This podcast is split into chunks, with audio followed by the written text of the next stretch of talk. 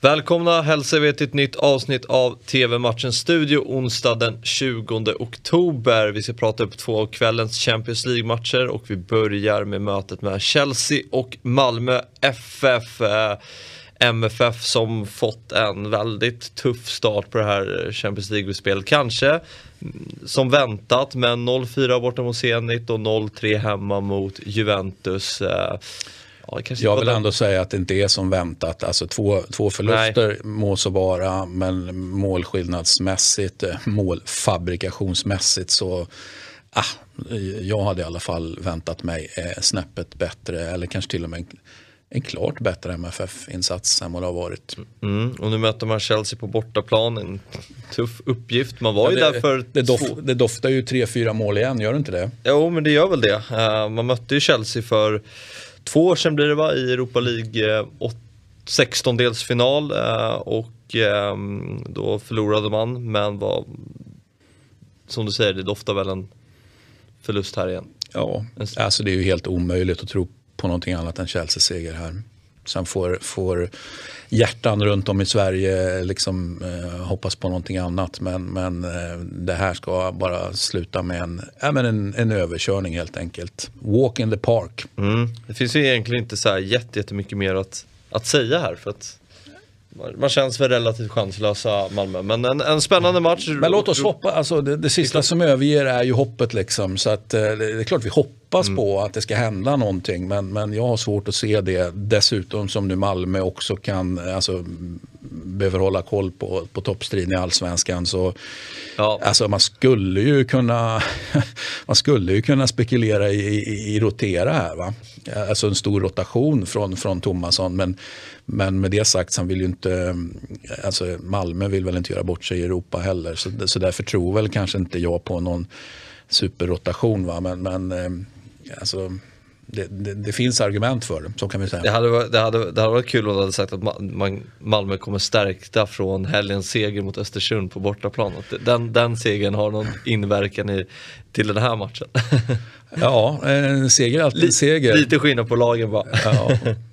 men, ähm, ja, nej, men eh, om du vill äh, kasta det med ett resultat, det känns som att Malmö helst bara vill Ja, man vill dra ner siffrorna här och inte förlora med allt för stora um, siffror. Ja, låt oss hoppas att det, att det, att det blir så. Då, så att det inte mm. blir tre eller fyra i baken. Det skulle jag tycka kännas ja, men väldigt tråkigt. Väldigt, väldigt tråkigt. Mm. Uh, och, och, jag förstår att MFF-supporterna tycker att det är ännu tråkigare än vad jag tycker. Va? Men, men får vi 3-4 i, i, i, i arslet här helt enkelt, då, då, ja, men då blir jag uppriktigt sagt ledsen. Det var mm. inte så jag såg den här, det här gruppspelet för MFF. Jättesvårt, ja.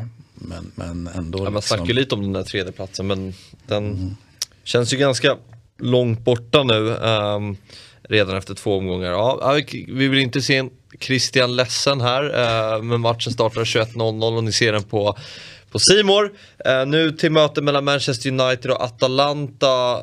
Ett väldigt spännande möte på så sätt att Solskär är ju där man diskuterar allra mest när man, när man pratar om Manchester United. Nu blir det en förlust eh, mot eh, Leicester i helgen och i, ja, gruppspelet eh, ligger man på en tredje plats med tre poäng, har Young Boys och Atalanta framför sig. så Mm.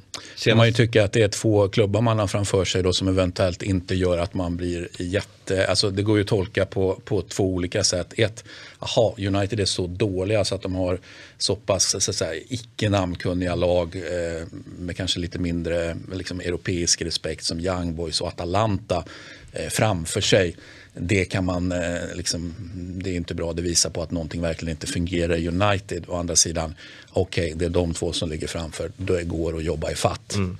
Och sen också, man räddades ju senast av en, ett sent vinstmål av Cristiano Ronaldo hemma mot Villarreal och den var ju de poängen var ju extremt viktiga inför, inför kvällens möte. Atalanta då, som, eh, vad har vi sett om dem? De har ju de... börjat eh, lite sisådär i ligan, mm. eh, fast ändå helt okej. Okay. Det är inte så att det har varit någon katastrof men, men hyfsat skadedrabbat. Eh, nu vann de ju helgen övertygande då eh, mot, mot Empoli. Eh, och det som var kul för Atalanta var ju att Ilicic var stor segerorganisatör. Va?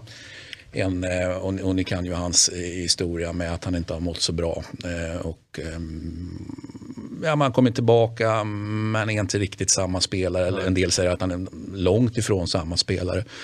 Men det ska bli intressant att se hur de Alltså Atalanta är ju, är ju alltid Atalanta, det vill säga de spelar ju som Atalanta gör. De har ingenting att, okej okay, vi, är, vi är skadedrabbade, vi, vi, vi drar Nej. oss tillbaka. Utan det är ju, om det är något lag som kör all guns blazing i europeisk fotboll så är det ju Atalanta. Det är, liksom, det är framåt som gäller. Mm. Eh, men de har ju, eh, de har ju fyra eh, långvariga skador här nu. Så att, eh, vi får väl se liksom vad det har för vad det har för, för inverkan här. Det är liksom Pessina, Jim City var ju, den, eh, mm. var ju den senaste och sen tidigare var det ju Gåsens och Hattebor. Mm.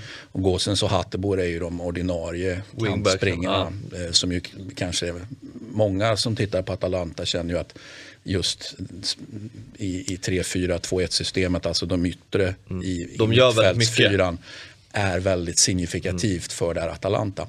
Nu är det Zappa Costa istället som man fick köpa in eh, sent på grund av, av skadan och operationen på Hattebor. Och sen så är det ju dansken Mäle då som, som eh, spelar vänsterkant istället för Gossen. Så att liksom Zappa Costa, Mäle, Hattebor, Gåsens. Ja, det kanske eh, ändå är så att Gåsens Hattebor hade varit ett bättre par. Men Zappa Costa, Mäle är inget dåligt Nej, så är det verkligen. Uh, känslan är att det är ett ganska obehagligt motstånd som kommer till Old Trafford för Manchester United, tycker jag. Ja, de, om vi säger så här, United kommer inte få vila. Fast, fast det är ju kanske bara bra att de inte får vila för då kanske de spelar hela matcherna istället för, ja. att, för att vila. Eh, allt för långa perioder. Det, det, det är besynnerligt. Eh, ja, men det är besynnerligt. Alltså, vi, vi, vi tror ju inte på Solskär som tränare. Så är det ju, men oavsett om man tror på Solskjaer eller inte så förväntar vi oss mer bara för att spela materialet är det det är. Mm. Så ska United göra klart bättre än vad man har gjort i inledningen på den här säsongen. Så är det ju bara. Vinner man ikväll då? Jag hoppas vid gud att man inte gör det. men men ja, det vore väl fan om United skulle kunna underprestera en gång till. Eh, så att jag tror på hemmaseger. Jag eh, hoppas att eh, Ilicic seger organiserar för Atalanta. Vilken otrolig fotbollsspelare det är när han är, när han är som bäst. Ah, jag, alltså. Nej, det, var, det var ju inte så länge sedan Nej. som man pratade ja, om att det här med att han var, vänta nu, med den formtoppen han hade då i början av förra säsongen, mm. det vi pratar om. Ja, men, han var ju bäst i Europa. Ja. Nej, alltså, eh, och sen hände det som hände och det var jättetråkigt. Liksom. Låt oss hoppas att han mår bra och kommer tillbaka. Mm, ja, det hoppas vi verkligen. Och, eh, spännande drabbning, alltså 21.00 starten och ni ser den på Simor. Det var allt för idag. TV-matchens studio är tillbaka imorgon igen. Hej!